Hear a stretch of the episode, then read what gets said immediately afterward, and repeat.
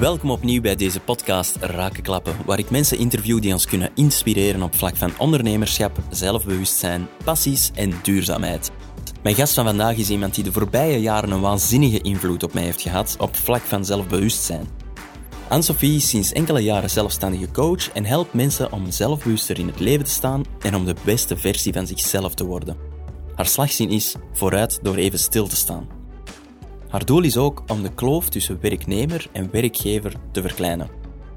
Ik denk dat velen van jullie hier echt waarde uit gaan halen, dus geniet van dit superboeiend gesprek en zoals altijd, laat me even weten wat je ervan vond. Als er nog suggesties zijn voor mensen die ik absoluut eens aan het woord moet laten, let me know.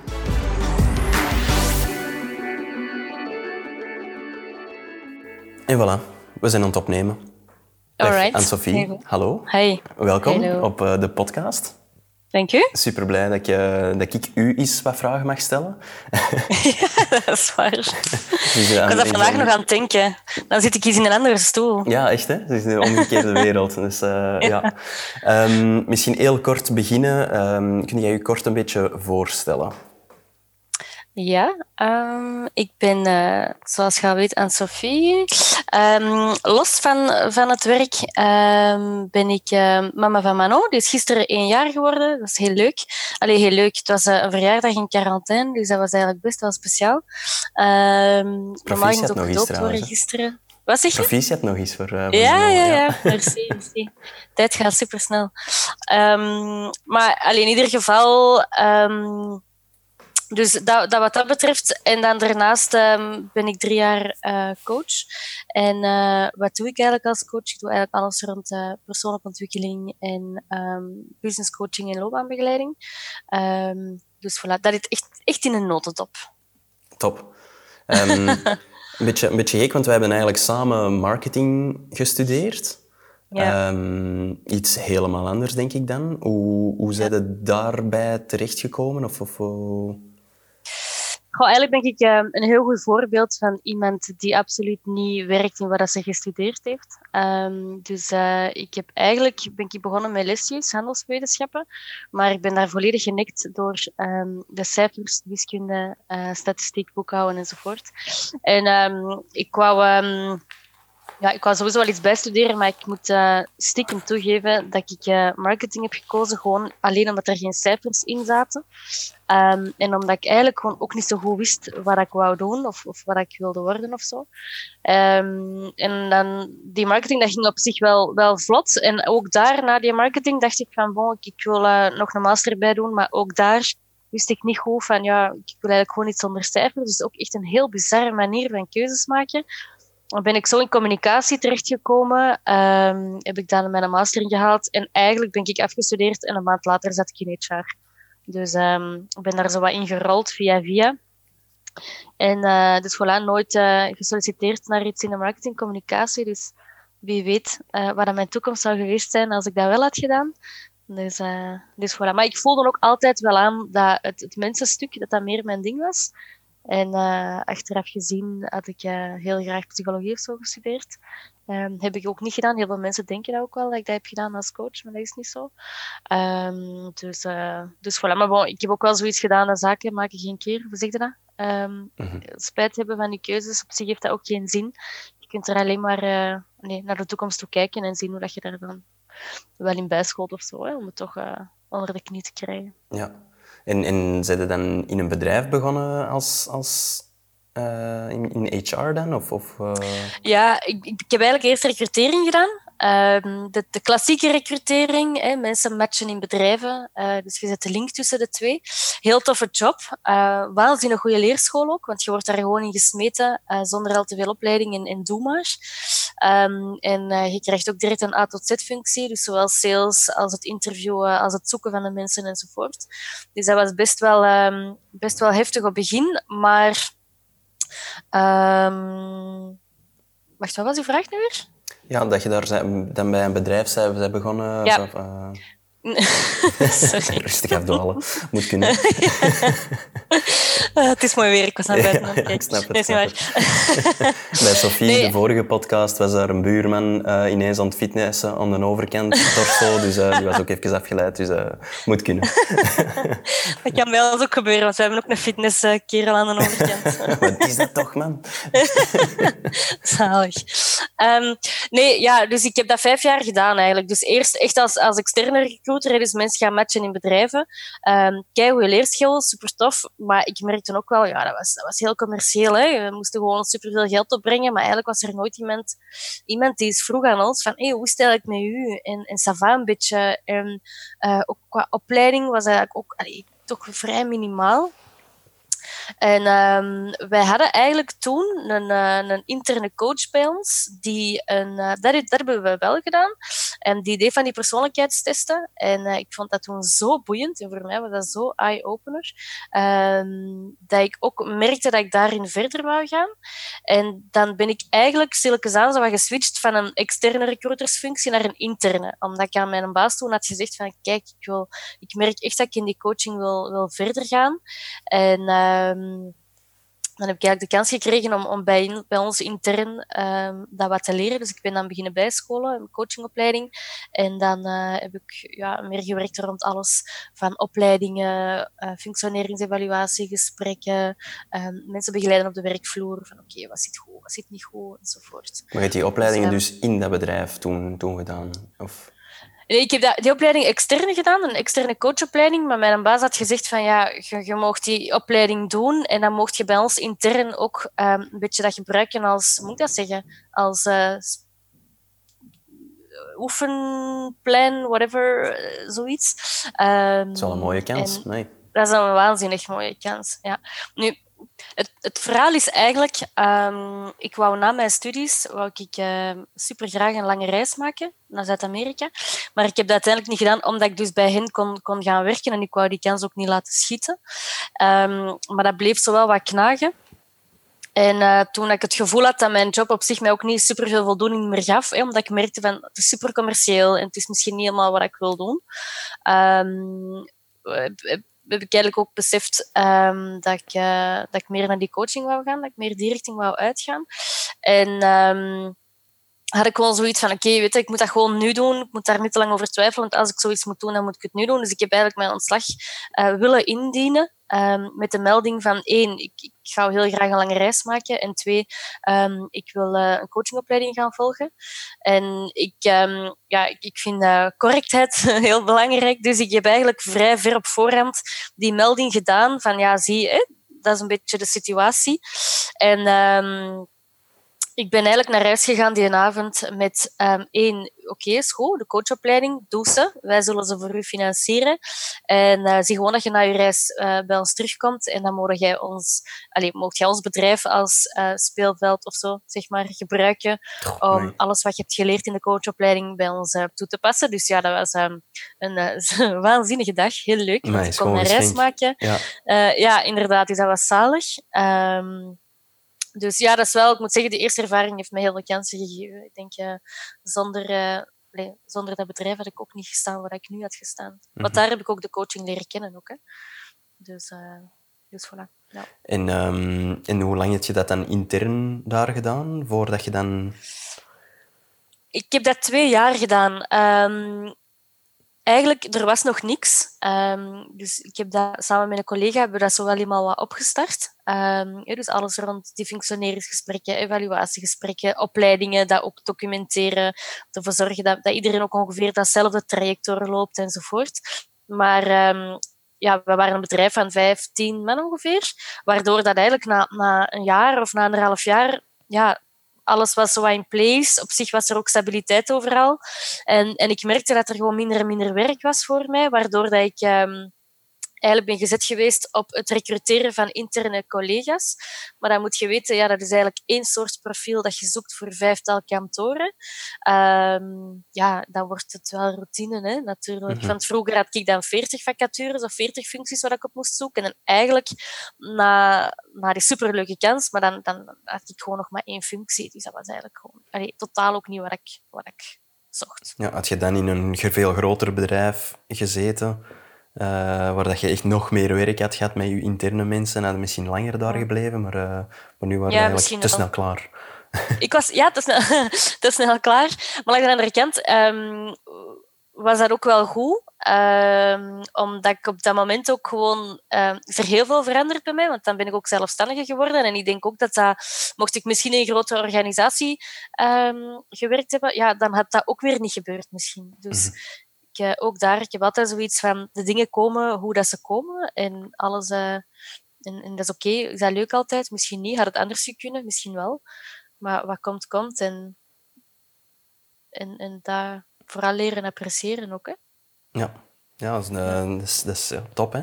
En dan was je zelfstandig dan begonnen en, in, in, wist je dan exact van dat ga ik, dat ga ik doen? En, en had je dan al zo... Is dat eerst in bijberoep begonnen of is dat gewoon echt volledig cold turkey um, cold turkey. En, ja, echt?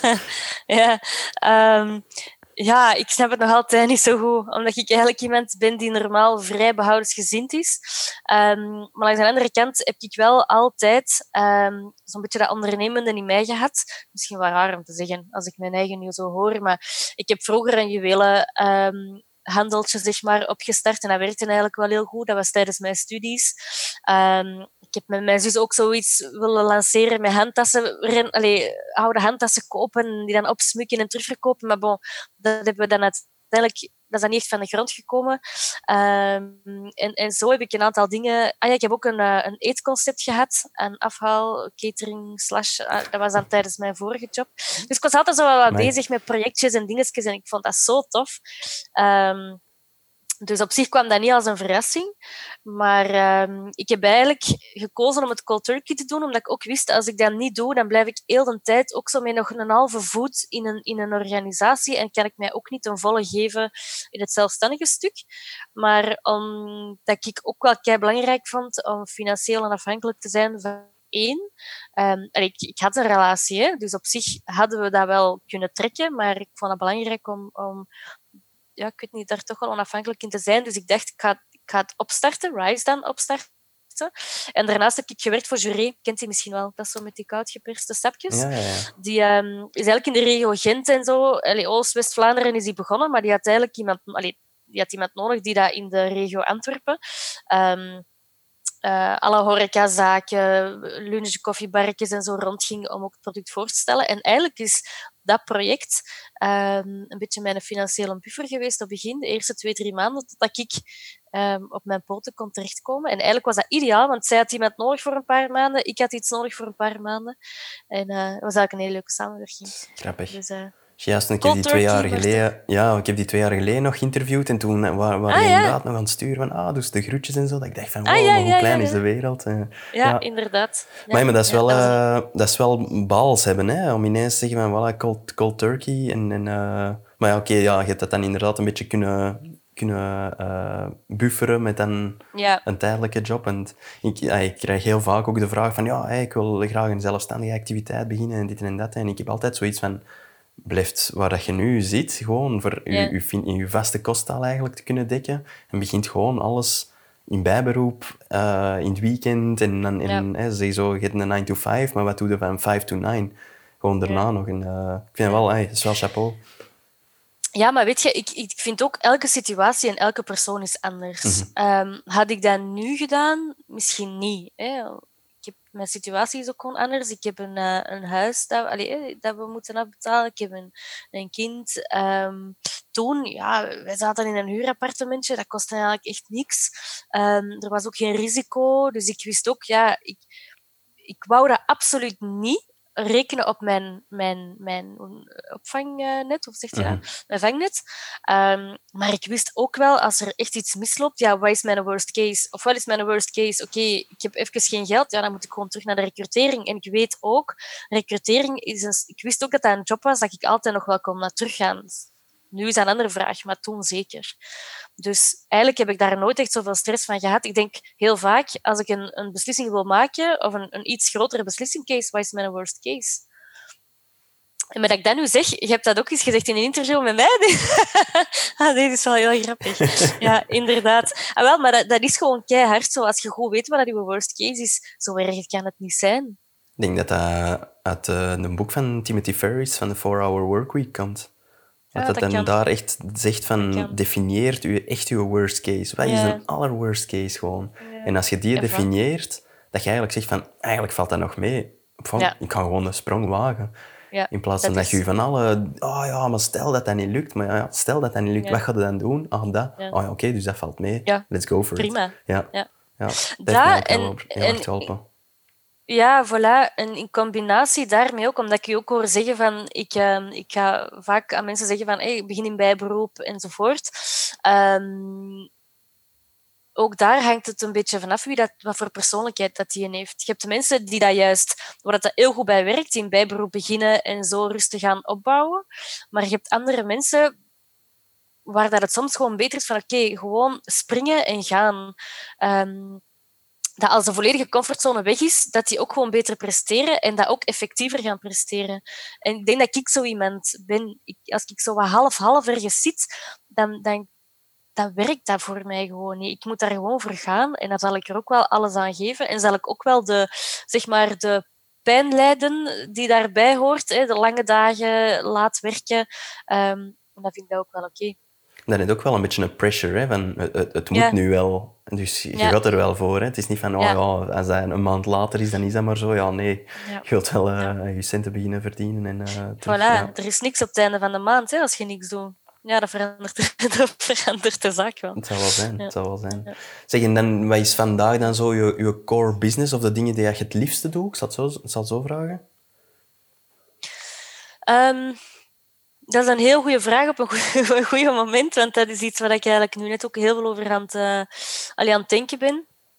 Um, ik merk dat ik het allerblijste word van mensen als ik echt voel dat ik een impact heb kunnen hebben op hoe dat zij zich voelen. Um, en dat zij beter weten wie dat ze zijn, dat zij sterker in hun schoenen staan daarna en dat ik ook echt merk van dat die echt goesting, energie en zelfvertrouwen hebben gekregen om een bepaalde volgende stap te nemen. Bij de ene is dat um, klein, hè, is dat meer leren nee zeggen. Bij een andere is dat, oké, go, ik ga mijn eigen zaak starten, ik kan er gewoon voor, ik ben er toch klaar voor, het is toch iets voor mij. Bij iemand anders is dat, um, is dat meer jobgerelateerd, hè, want ik doe ook loopbaanbegeleiding. Um, en daar gaat het voor mij eigenlijk om. Ik heb heel vaak nagedacht van, ja, welke richting wil ik nu uit? Hè? Wil ik business coaching? uh, starterscoaching blijven doen, eh, ondernemers die een eigen zaak willen starten, loopbaanbegeleiding of meer rond persoonlijk leiderschap. Maar ik merk dat het misschien niet daarover gaat, maar dat het echt veel meer gaat over die core van wie zijt je, waar staat jij voor, wat vind je belangrijk. En ik merk dat die sessies waar ik echt tot, tot, tot die, die, die core kan gaan met mensen, oh, ik vind dat echt een max. Dan voel ik echt gewoon de energie in mijn lijf stromen van, ja, is gewoon zalig om te zien hoe dat mensen um, veel dichter bij zichzelf komen en echt gewoon ontdekken wie dat ze zijn. En dat klinkt kei bizar, want tuurlijk weet iedereen ook wel wie dat hem is. Maar toch, toch door, door te spreken over je talenten, over je valkuilen, over wat je echt veel energie geeft, gaat het toch je eigen nog beter leren kennen. Komt daar zo, komen daar mind-blowing things uit uit mijn sessies? Eigenlijk niet, hè? En dat vind ik de kracht ervan. En dat vind ik net leuk. Dat mensen zich zo ja, terug een beetje heruitvinden en daardoor terug die, die energie en die goesting krijgen. ik vind het zalig, je ziet echt in de ogen van de mensen. Hè? Dat is pijnlijk. Hè? Ja, het is echt leuk. Ik word helemaal blij als ik, er, als ik erover babbel. Zalig. Ja, we hebben zelf ook uh, wat tien sessies gedaan, denk ik. Allee, ik heb een tien uh, sessies ja, bij u gedaan. tien, twaalf, ja. En ik vond het absurd hoe, hoe, goed dat jij je vragen zodanig kunt stellen. En, en ja, eigenlijk weet je alles wat dat je wilt vertellen. Want dat zit zo ja, in u. Maar door de manier waarop dat je je vragen stelt en door de tools dat je dan gebruikt om ze te kadreren en, en, dat dan zo in te vullen, krijgt dat zo'n andere betekenis voor, voor mensen. En ja, ik weet niet, ik ben er nooit mee opgevoed, denk ik, van, van zo zelfkritisch te zijn of zo, zo eens even te reflecteren en zo. zo uw slag zien, zo, hey, even stilstaan om daarna vooruit te gaan. Of, of wat is hem? Vooruit er even stil te staan. Voilà. um, ja, dat vind ik echt enorm krachtig. En, en, en, ja, ik heb al heel veel mensen naar u gestuurd, denk ik, omdat ik dat juist zo, zo krachtig vind. Uh, van gewoon die zelfontplooiing en die zelfontwikkeling, van zo eens even die zelfreflectie van waarom ben ik deze hier eigenlijk allemaal aan het doen? En, en ja, en ik denk dat wat je net hebt gezegd daarvoor, um, ik ben dat niet gewoon, of ik heb dat van thuis uit niet geleerd of meegekregen, ik weet niet wat je zei. Dat is het, hè. Um, wij zijn dat niet gewoon.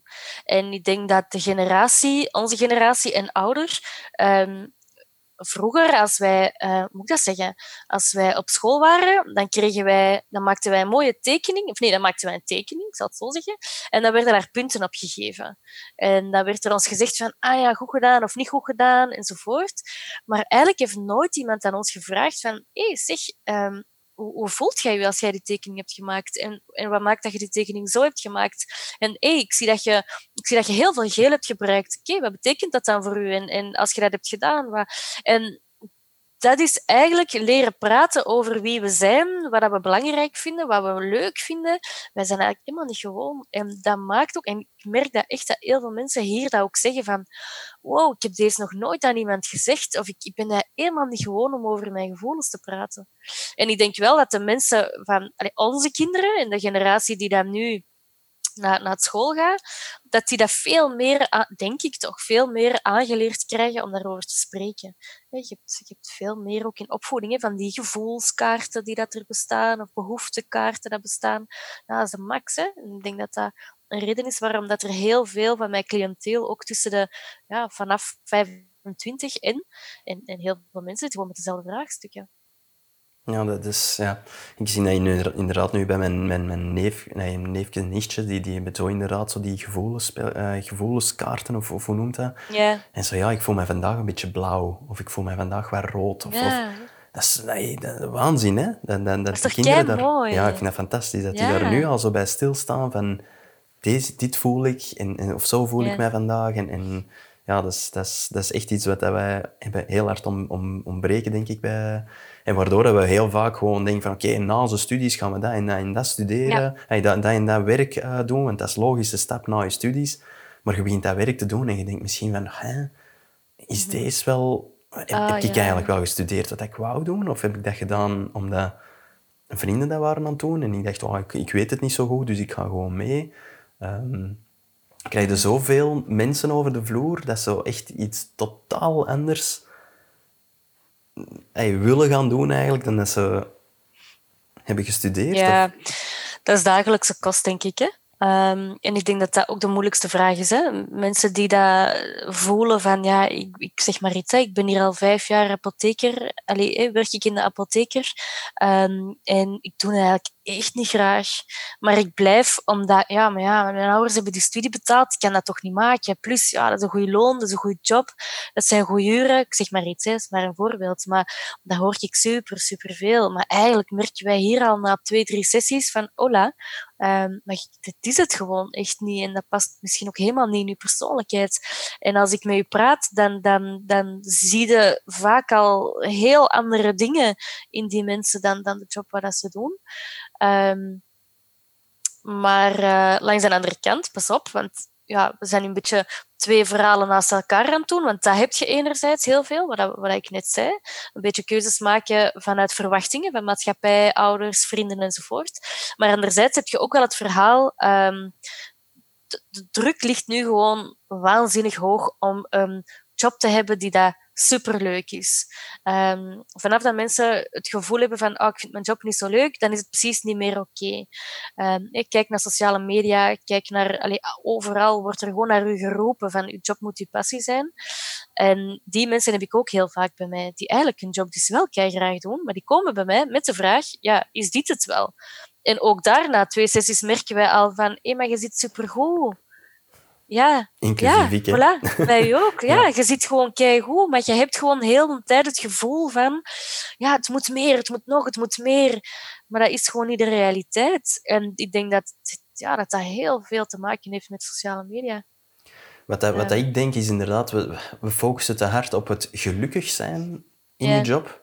Terwijl dat je eigenlijk zou moeten focussen op wat, wat is mijn, mijn bijdrage die dat ik echt wil, wil stellen. Of, of e-, echt wil, wil leveren aan, aan de maatschappij. Zo, zo zie ik dat momenteel. Hè. Zo van, vanaf dat je echt aan een groter doel je bijdrage hebt gedaan, soms gaat dat een leuke dag zijn, soms gaat dat een minder leuke dag zijn, maar ook al heb je die bijdrage gedaan, gaat je goed voelen. En dat maakt mhm. geluk, denk ik, in plaats van gewoon elke dag, jee, party plezier, dit en dat. Maar ja, ze hadden wel een impact aan het doen, ze hadden echt iets aan het bijdragen. En ik denk, bij mij was dat heel hard van, ja, ik, ik, ik ben niet op aarde gezet om puur foto's en filmpjes te maken van mensen. En dat was een fantastische stap na, na mijn, mijn andere job. Maar mhm.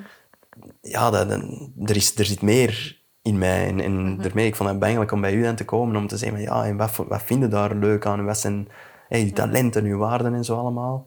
Mhm. Ehm, ja, en die waarden... Um, je kent Dirk de Wachter waarschijnlijk mhm. wel.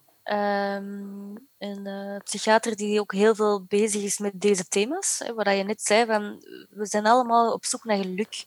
Um, maar hij zegt ook, hij heeft in, in een interview gezegd, een waanzinnig interessante mens trouwens, en hij had gezegd van, als je geluk hebt als doel in het leven, dan is dat gewoon voor voor ongelukkig zijn. Omdat we voelen ons gewoon soms echt rot en we hebben gewoon echt eens een slechte dag en we hoeven daar ook niet altijd een reden voor te hebben. Soms is het gewoon en dat mag ook. Maar we, moeten ook leren omgaan met die bepaalde gevoelens en dat ook leren accepteren. En um, wat hij zei is wat we moeten proberen en ik was heel blij dat hij dat zei, want dat was mijn stokpaard, dat is mijn stokpaardje nog altijd. Hij zei van, je moet gewoon goed weten wat er je waarden zijn. Wat vind je belangrijk in het leven? Los van job, relaties, werk, omgeving, vrienden, whatever. Wat is je prio? Is dat gezondheid? Is dat duurzaamheid? Is dat, um, is dat integriteit, respect? Dat zijn allemaal soorten waarden dat je zou, zou kunnen hebben. Um, en hij zegt van, leef elke dag naar die waarde. Maak keuzes vanuit die waarde. En dan gaat je zien dat geluk daar een gevolg van is. En dat is ook zo. Um, en daar hoort ook ongeluk bij. Hè? Begrijp me zeker niet verkeerd. Hè? Um, maar ik vond dat een hele mooie, want eigenlijk wordt er nu wel overal naar ons gesmeten van hé, hey, je moet gelukkig zijn. Ja, maar alsof dat dat het doel is. Terwijl het inderdaad een gevolg moet zijn van een correct bepaald doel, wat dat je wilt doen met je leven.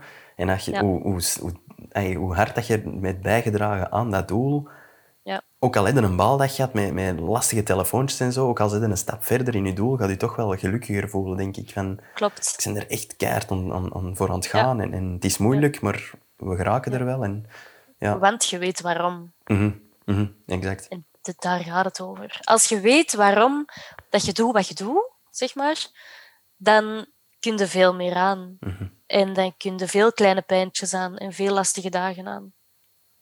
Ja. Heeft het volgens u heel veel te maken met energie? In welke zin?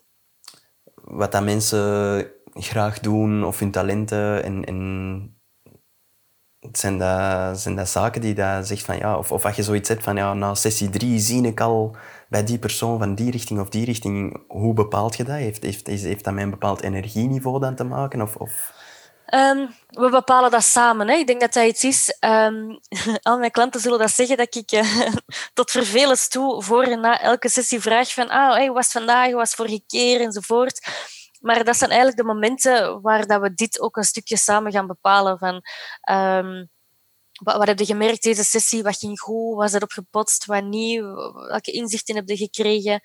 Um, en het is eigenlijk door in kaart te brengen wie dat je bent. Dus ik ben echt een coach die dat in kaart gaat brengen waar dat je goed in zijn, waar je waarden zijn, waar je valkuilen zijn, waar je energie geeft. Door dat allemaal in kaart te brengen en ook heel letterlijk op papier te zetten, um, gaat je ook door, tot die inzichten komen. Um, en energie heeft daar zeker een stuk mee te maken. Hè. Je ziet dat zo aan de lichaamshouding, maar de klanten voelen dat zelf ook. Hè. Um, je voelt dat ook als je over een bepaald thema praat. Over het ene thema voelde dat je hart aan het spreken is en, en stroomt een energie door je lijf. En je hebt andere thema's waar je zo voelt dat iemand met zijn hoofd aan het praten is en het, het rationaliseert. Um, Maar het is pas als je dat gaat benoemen ook, van kijk, als je dit zegt, wat, wat voel je dan? Of wat doet dat met je als je dit zegt? Dat mensen ook zelf die klik gaan beginnen maken van ja, dat is eigenlijk wel. Altijd komt dat terug als ik daarover spreek, dat ik energie krijg. Dus in dat opzicht zeker wel. Dat is echt zo even dat, dat, dat erbij stilstaan, hè?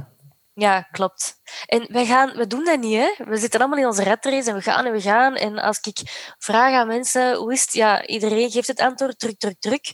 Um, maar hier ja, is het even echt stilstaan. Ja, dat is, en is, dat is echt een plek om, om even op te laden, om dingen te kunnen benoemen, om, om ja, mijn rol in de ik en niet mijn rol als manager, als mama, als papa, um, als vriend, vriendin, collega enzovoort. En dat doen we niet zoveel. Ja, en ook wie ben ik echt en niet per se van wat wordt er van mij verwacht. Ja, oh ja, zo belangrijk onderscheid. Ja, dat is echt zo. Ja.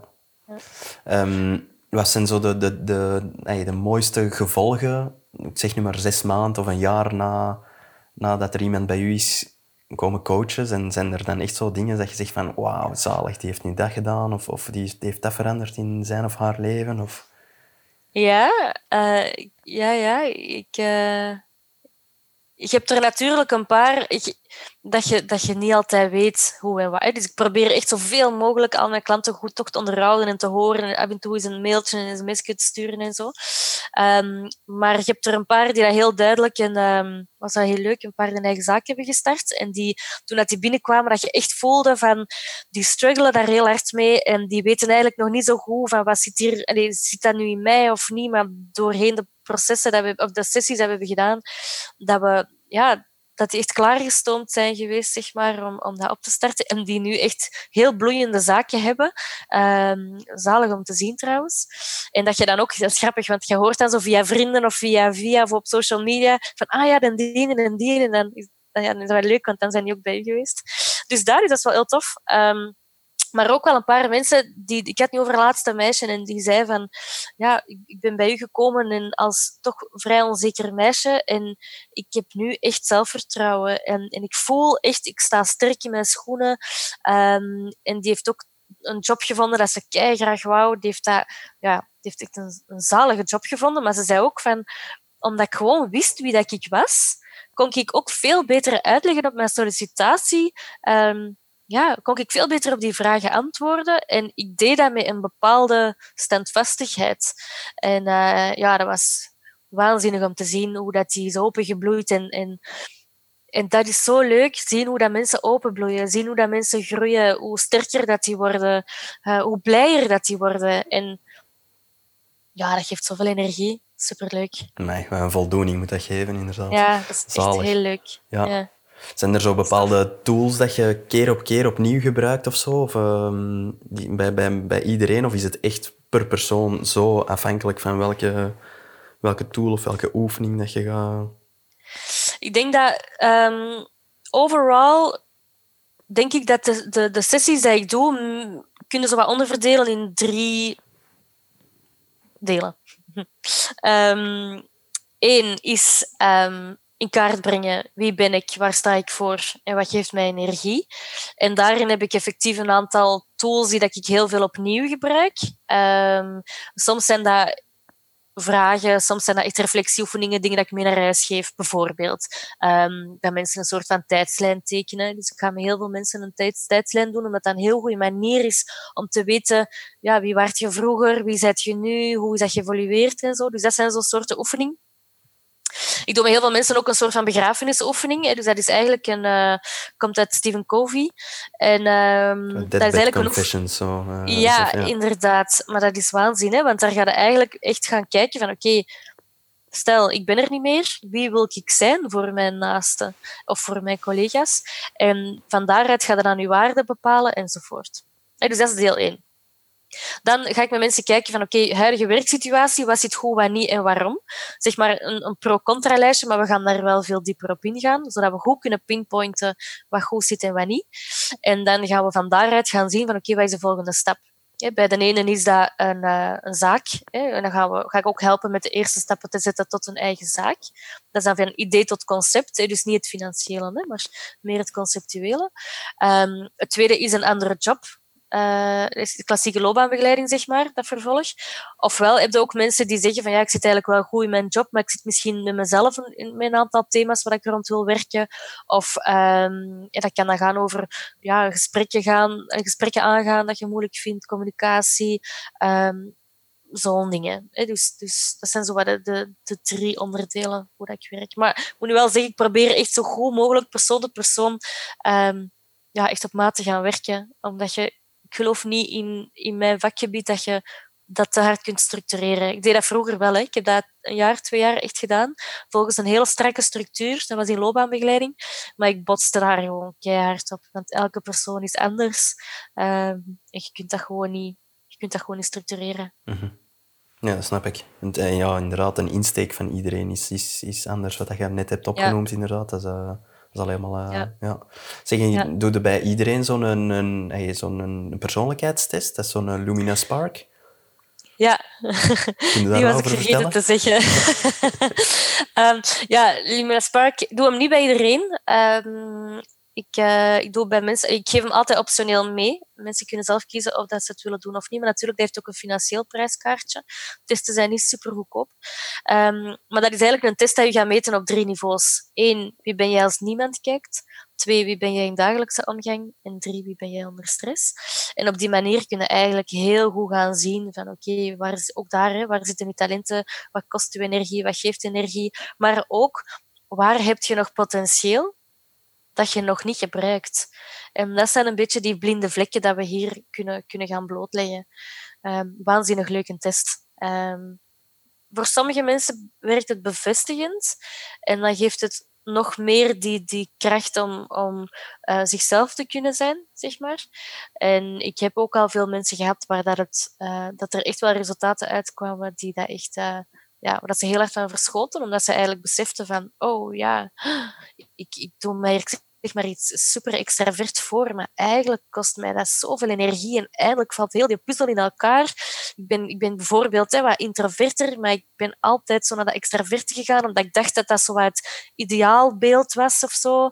Um, ja, en als je dan zo'n resultaten hebt met mensen, is dat wel heel mooi, hè? in heel dat wie ben ik acceptatieproces. Ik heb dat zelf ook meegemaakt. Hè? Daarom was ik, uh, ben ik zo fan van, van uh, die persoonlijkheidstest. Ik ben eigenlijk zelf een, een zeer introverte persoon. Um, wat dat wil zeggen dat ik, in, dat ik heel sterk ben één op één, maar minder in grote groepen. Dat, dat laat mij gewoon af. En als ik met mensen ben, één op één, diepgaandere gesprekken en echt ja, het, luisteren, het actief luisteren naar elkaar, dat is hetgeen wat mij heel veel energie geeft. Maar ik heb mij altijd voorgedaan als iemand heel extravert. Ik zocht altijd grote groepen op. Ik heb ook verschillende vriendengroepen die vrij groot zijn. En, maar eigenlijk kostte mij dat, kostte en kost mij dat wel vaak energie.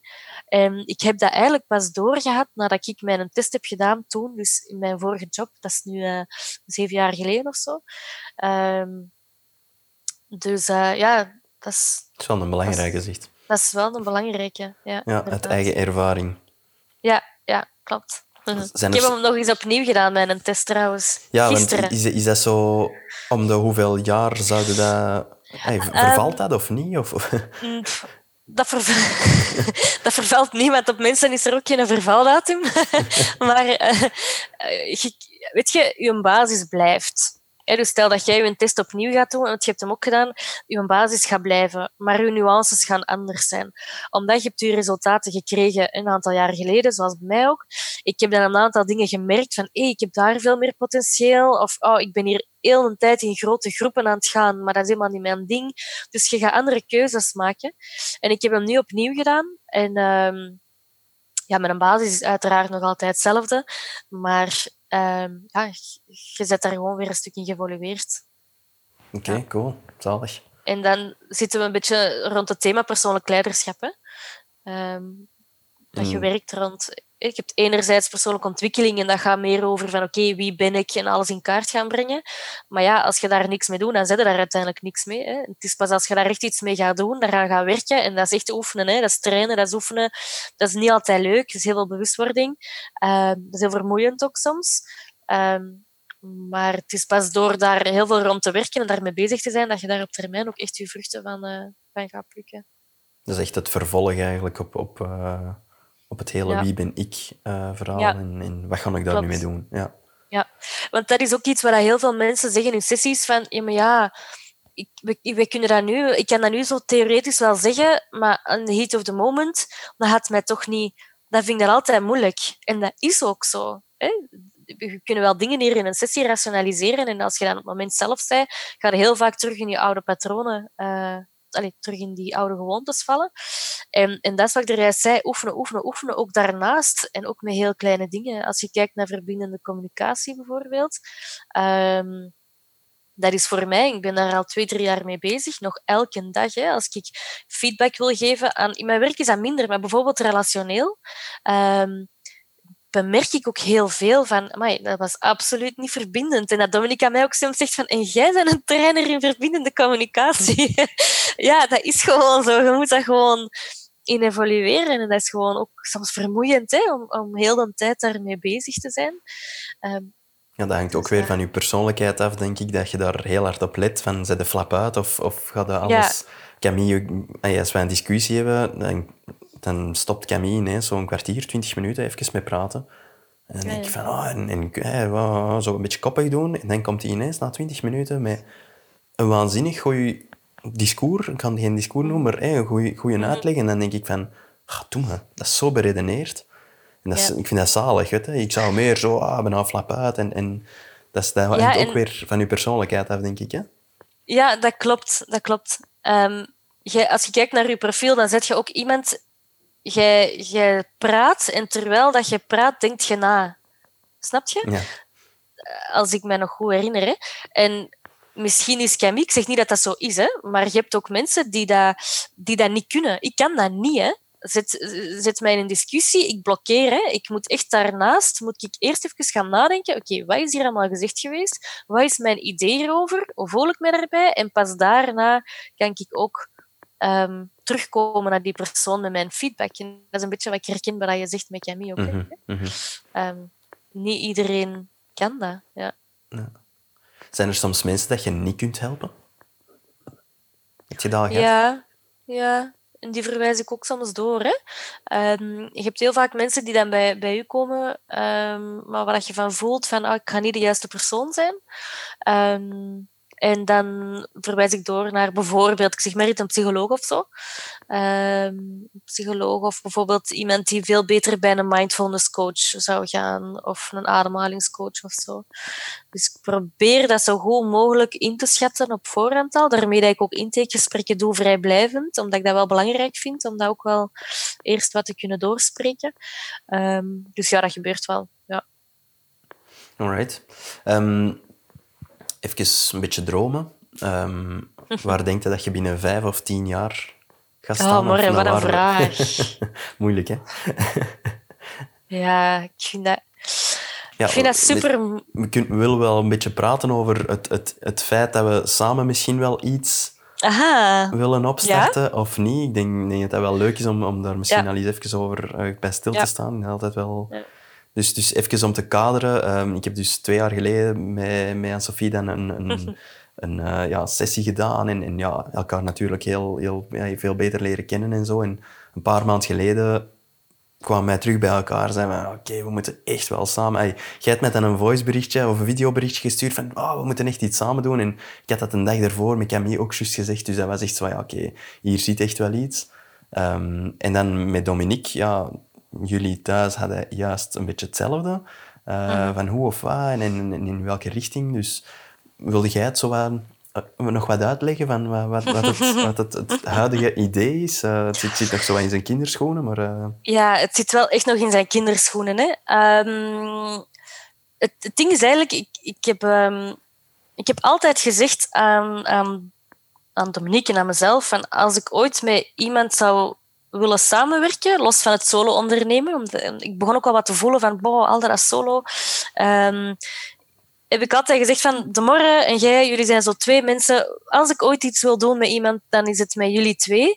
Um, omdat ik ook gewoon merk dat de visie, hoe dat wij in het leven staan, wat we belangrijk vinden en zo, is eigenlijk ja, vrij identiek en in een mooie lijn.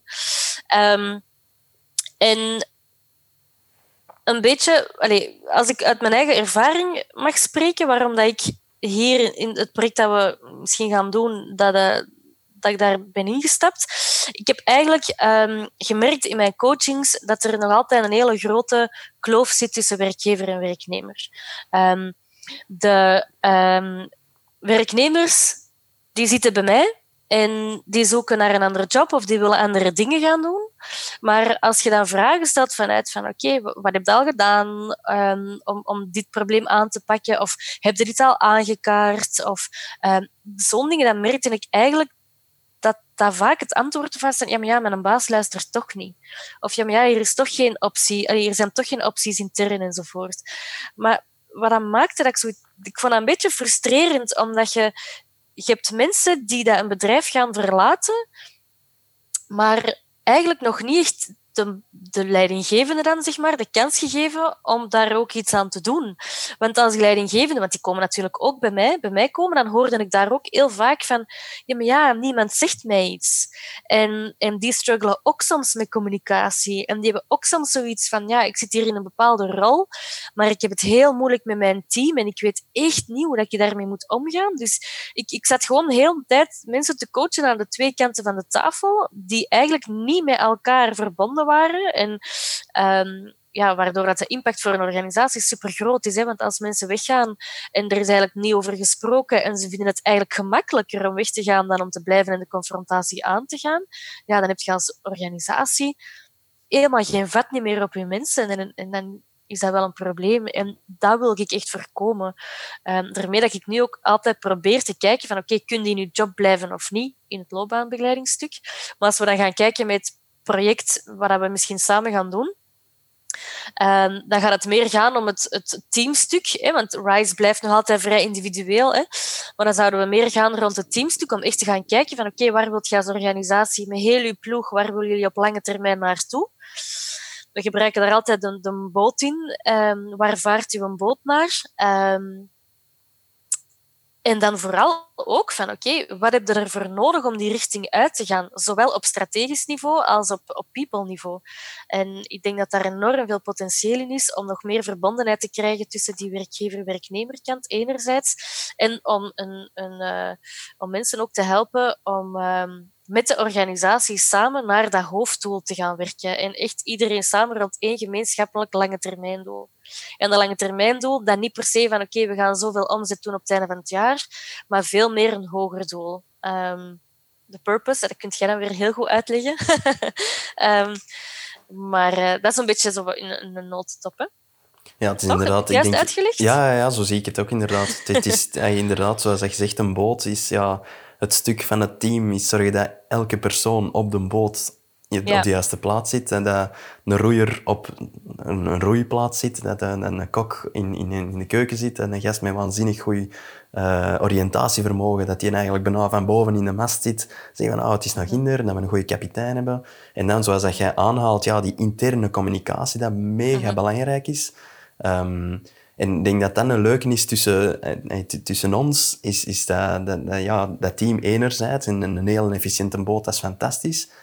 Maar als je een boot in de foute richting vaart en zegt, ja, ja, binnen vijf of tien jaar gaat die totaal niet meer relevant zijn, omdat de tijden zodanig zijn aan het veranderen en heel het duurzaamheidsaspect dat daar aan bod komt en zo. Dus ik denk dat dat een mooie is om te zeggen van, ja, oké, we gaan zowel de efficiëntie van de boot aanpakken, maar ook de mhm. richting in waar het hem vaart. En, en dat de richting heel duidelijk wordt gecommuniceerd van mannetjes, deze boot vaart naar Ginder, take it or leave it, gaat ermee aan, gaat ermee aan de slag. En idealiter geeft een mega interne boost aan de mensen, waardoor je, je bedrijf veel productiever wordt en veel, veel mhm. ja, meer engagement, veel meer intrinsieke mhm. motivatie. Dus uh, ja. En dus ook betere resultaten, hè? Ja, dat is, dat, voilà. Dat is belangrijk, belangrijk ja, ja, ja, voilà, inderdaad. Ja, het, moet, het moet inderdaad geen, uh, geen relax uh, vakantie uitje nee, nee, nee. maar uh, nee, inderdaad. Dat is, ehm, ehm, zijn er bepaalde tips die dat je vandaag kunt meegeven aan een luisteraar die dan misschien wel een beetje in dezelfde situatie zit als, als dat ik twee jaar geleden of zo zat? Ehm, dat je zegt van, goh, quick tips van, dat kan u echt misschien al eens even helpen? Ik vind dat altijd een heel moeilijke vraag. weet je waarom? Ik heb heel veel tips. En het is echt niet dat ik ze niet wil geven, uh, maar ik, um, we zijn altijd geneigd om, als mensen met een probleem zitten, om daar meteen al onze tips op, op af te gooien. Ah ja, ik moet dat zo doen en zo doen en zo doen, of ik heb dat en dat en dat gedaan. Maar ik merk echt door deze job te doen dat eigenlijk iedereen heeft andere tips nodig. En een tip geven is heel sterk afhankelijk van wie dat je voor u hebt. Ik zie dat heel vaak in mijn privé. Iemand lanceert een probleem en eigenlijk wordt er nog niet naar dat probleem geluisterd en worden er ineens tien tips op gegooid. Maar misschien zijn dat tien tips waar die ene persoon totaal niks mee is, want het is zijn situatie, zijn verhaal. Um, maar bon, ik ga proberen eens te, te kijken wat ik kan meegeven. Ja, weet je, wat dat, wat voor mij gewoon um, ene is dat ik heel belangrijk vind, is, is echt probeert elke dag even stil te staan bij wat wil ik eigenlijk? Wat wil ik vandaag doen en waarom wil ik dat doen? Um, Vooral die waarom ook echt, hè? Waarom is zo belangrijk, ja. En um, ook hier weer, hè, dat gaat niet over van ik moet elke dag veel plezier hebben, hè. Maar bijvoorbeeld, um, ik ga nu vandaag uh, afspreken met die en die en die personen. Oké, okay, wil ik dat nu echt of wil ik dat eigenlijk helemaal niet? Stel dat het antwoord is, ik wil dat niet, wil dat ook niet zeggen dat je al die plannen moet gaan afzeggen. Hè? Maar als je dat keer op keer merkt van, ah, ik wil dat eigenlijk niet, of, ik, ik, of je voelt van, ah, dat zijn grote groepen, ik vind dat niet leuk, of andersom, dan weet je ook misschien op termijn, door elke, vraag die, elke dag die vraag te stellen, voelt je misschien op termijn ook aan van, oké, misschien, ja, misschien heb ik gewoon andere dingen nodig. Snap je? En, idealiter, maar ik weet ook um, dat dat niet voor iedereen is, maar schrijf dat op. Schrijf dat elke dag op. Um, wat wil ik? En ik doe nu ook elke, en dat vind ik fantastisch, kijk hoe, voor jij zou dat ook heel leuk vinden, denk ik, is elke maand ga ik, uh, heb ik een documentje en ik druk dat ook fysiek af. En dat is een documentje, daar staan mijn waarden op. En um, daar staat ook op van, oké, wat ging goed deze maand? Wat ging niet goed? Um, waar wil ik mee beginnen? Waar wil ik mee stoppen? Waar kreeg ik energie van? Zo een paar van die random vragen. En, en elke maand sta ik daar zo een uurtje bij stil. En dat heeft mij al zoveel bijgebracht. Omdat je daardoor echt gaat stilstaan bij, oké, dit is wie ik ben dit is wat ik belangrijk vind, ben ik ook keuzes aan het maken van daaruit. En dat is zowel privé als werk. Hè. Dus ik, voor mij is dat niet per se dat ik dat op werk invul. Dus dat gaat helemaal niet over mijn omzet of zo. Mhm. Dat gaat echt over mij als persoon. En dat heeft mij al heel veel zo... Dat ik merkte van, amai, ik heb deze maand echt die of die persoon volledig verwaarloosd of daar helemaal dat thema helemaal geen aandacht gegeven. Of ik zeg maar iets, zeg, gezond eten of sporten of whatever. Eh, bijdragen aan de omgeving. Ik heb bijvoorbeeld altijd te zoeken naar, ik wil vrijwilligerswerk doen. En ik wil eigenlijk idealiter naar een situatie gaan waar ik één vijfde van mijn week een hele dag vrijwilligerswerk kan gaan doen. Um, maar ik zat daar zo mee gevrongen, elke dag, van ah, ik doe dat niet, ik doe dat niet, ik doe dat niet. Dus heel sterk gefocust op wat ik niet aan het doen was. En door eigenlijk elke maand dat document in te vullen, dan besefte ik, want ik heb dan zo'n hokje maatschappelijke zinvolheid, maatschappelijke zinvolheid, dat is een van mijn waarden, ik vind dat belangrijk.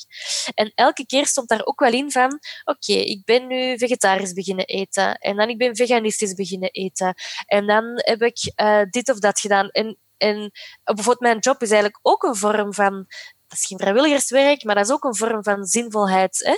En door dat elke maand in te vullen, begon ik echt te beseffen van, Ansel, je kunt niet op elk niveau, kunt je de perfect person zijn. En wat je nu al doet in zaken duurzaamheid of zinvolheid, is eigenlijk al heel wat. Maar door, als ik dat niet had ingevuld, dan denk ik niet dat ik daar, dat, ik daar, dat, dat blijven knagen, volgens mij. En ook daar kreeg ik heel veel tips hè, van mensen. Maar Lia Sophie, je hebt het al super druk. Wat ga je daar dan nog bij doen? En ik voelde echt van, die feedback, daar heb ik niks mee, want daar gaat dit niet over. En, en dat is misschien een beetje mooi gelinkt met wat ik daar juist zei, van oplossingen aanreiken, dat is zo persoonlijk. Persoon tot persoon. Je moet het zelf uitzoeken.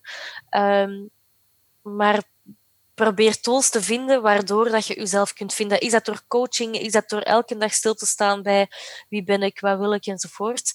Um, of documentje, ik wil dat wel eens een keer uh, doorsturen op mijn website zetten als mensen dat leuk zouden vinden of zo. Uh, de morgen doe ja. Doen, ja. dat is even een gebaar, dus, uh, is misschien niet zo interessant op een podcast. dus voilà, lang, lang antwoord misschien op uw vraag. Nee, nee, zalig. Het gaat eigenlijk echt over het zelfbewustzijn eigenlijk. Hè? Ja, ja, inderdaad. Dat je weet van wie ben ik, waarom doe ik dingen in mijn leven en, en zowel persoonlijk als, als, als professioneel dan, denk ik. Ja.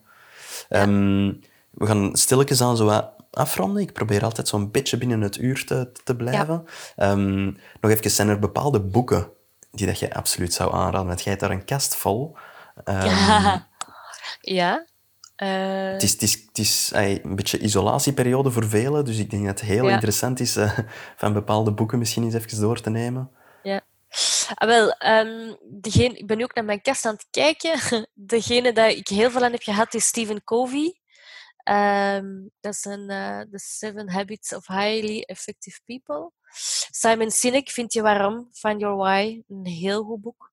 Um, dat gaat ook echt over uh, waarom doe ik wat ik doe. Um, elementaire gewoontes. Dat is een die dat iets minder bekend is. Dat gaat echt over als mensen heel snel terugkomen naar hun... Allez, heel snel vastzitten in oude patronen of oude gewoontes en daar echt uit willen breken, is dat een hele goede boek van James Clear. En dan, um, wat ook nog een heel goed boek is, en dat is iets totaal anders, um, maar dat is Waarom wandelen als je ook kunt dansen?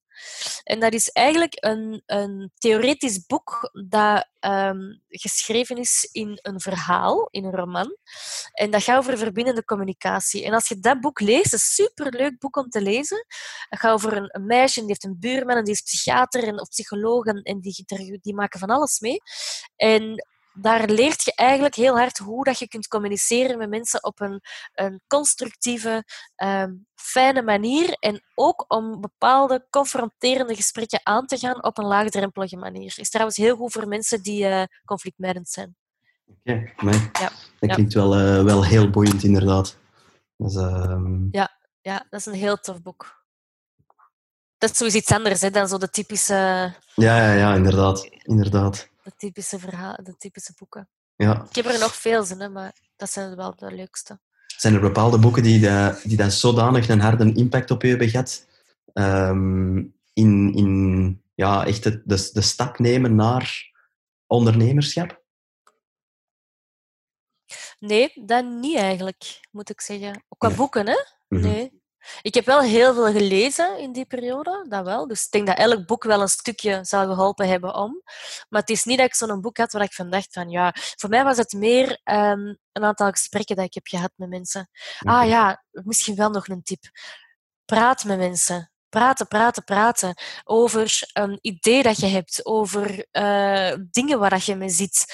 Um, over vragen dat je hebt dat is misschien nog wel een hele leuke. Want dat is wel echt voor mij, door veel te praten, uh, heb ik die stap kunnen maken. Okay. En ook zeggen aan mensen van, ik heb misschien niet altijd advies nodig, maar ik, ik wil, ik wil luid op denken. Ik, wil, ik, wil, ja, ik moet dat gewoon luid op kunnen. Gewoon ventileren en, en door die spiegel te krijgen, dat mensen zeiden van, hey, waarom is dat dan en hoe is dat dan? En begon ik eigenlijk mijn, mijn ja, mijn idee ook vorm te geven. Ja, ja oké. Ja, ja. Um, zalig. Ik uh, denk dat we hier heel veel, dat mensen hier heel veel kunnen uithalen. Ik vond het zelf ook nog eens heel, heel, heel boeiend om, om heel uw verhaal te, te, te, te horen. Um, nog even een, een, een, voorlaatste vraag. Hoe was ja? dat voor u? Dat is een typische vraag dat jij na elke sessie stelt. En ik vond het altijd zo goed. Nu dacht ik, nu ga ik ze zelf ook eens stellen. Hè? Echt de omgekeerde richting, hè? Ja, inderdaad. Ah, heerlijk.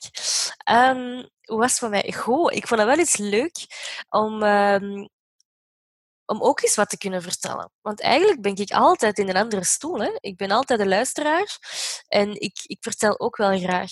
Um, dat vond ik leuk eraan. En twee, wat vond ik ook leuk, is om over mijn eigen verhaal te kunnen vertellen zonder uh, een of andere pressure of zo. Uh, ik voelde op het begin van de sessie... Voilà. En ik ben daar ook zo slecht in um, om aan mensen te vertellen wat ik doe als ik in een bepaalde als ik een bepaalde druk voel van ik, ik wil hier iemand overtuigen, dat, dat werkt voor mij ook echt niet, want dan blokkeer ik ook. Um, dus ik vond het ook wel eens leuk om, om daar gewoon uh, over te vertellen zonder dat er iets aan hangt of zo. Zalig. Dus uh, ik heb er wel van genoten. is leuk. Fantastisch, fantastisch. Ja, ben ik blij om. Um, ja. Nog even aan een laatste vraag dan. Uh, waar kunnen mensen u vinden? Um, dat kan op mijn website www.rise-hr.be en Rise is R-I-S-E. Um, op Instagram ben ik ook vrij actief. Uh, dat is ook aan Sophie aan elkaar op zijn langst. Um, .rise.hr. Dus uh, ik denk dat dat zo wat de twee belangrijkste kanalen zijn. Um, mail, telefoon, dat kan allemaal, maar dat staat allemaal op mijn website. Dus, uh, okay, ja. En je mag ook altijd een koffietje komen drinken bij mij thuis in Mortsel. Um, maar ook dat adres zult op mijn website moeten gaan zoeken. okay, top.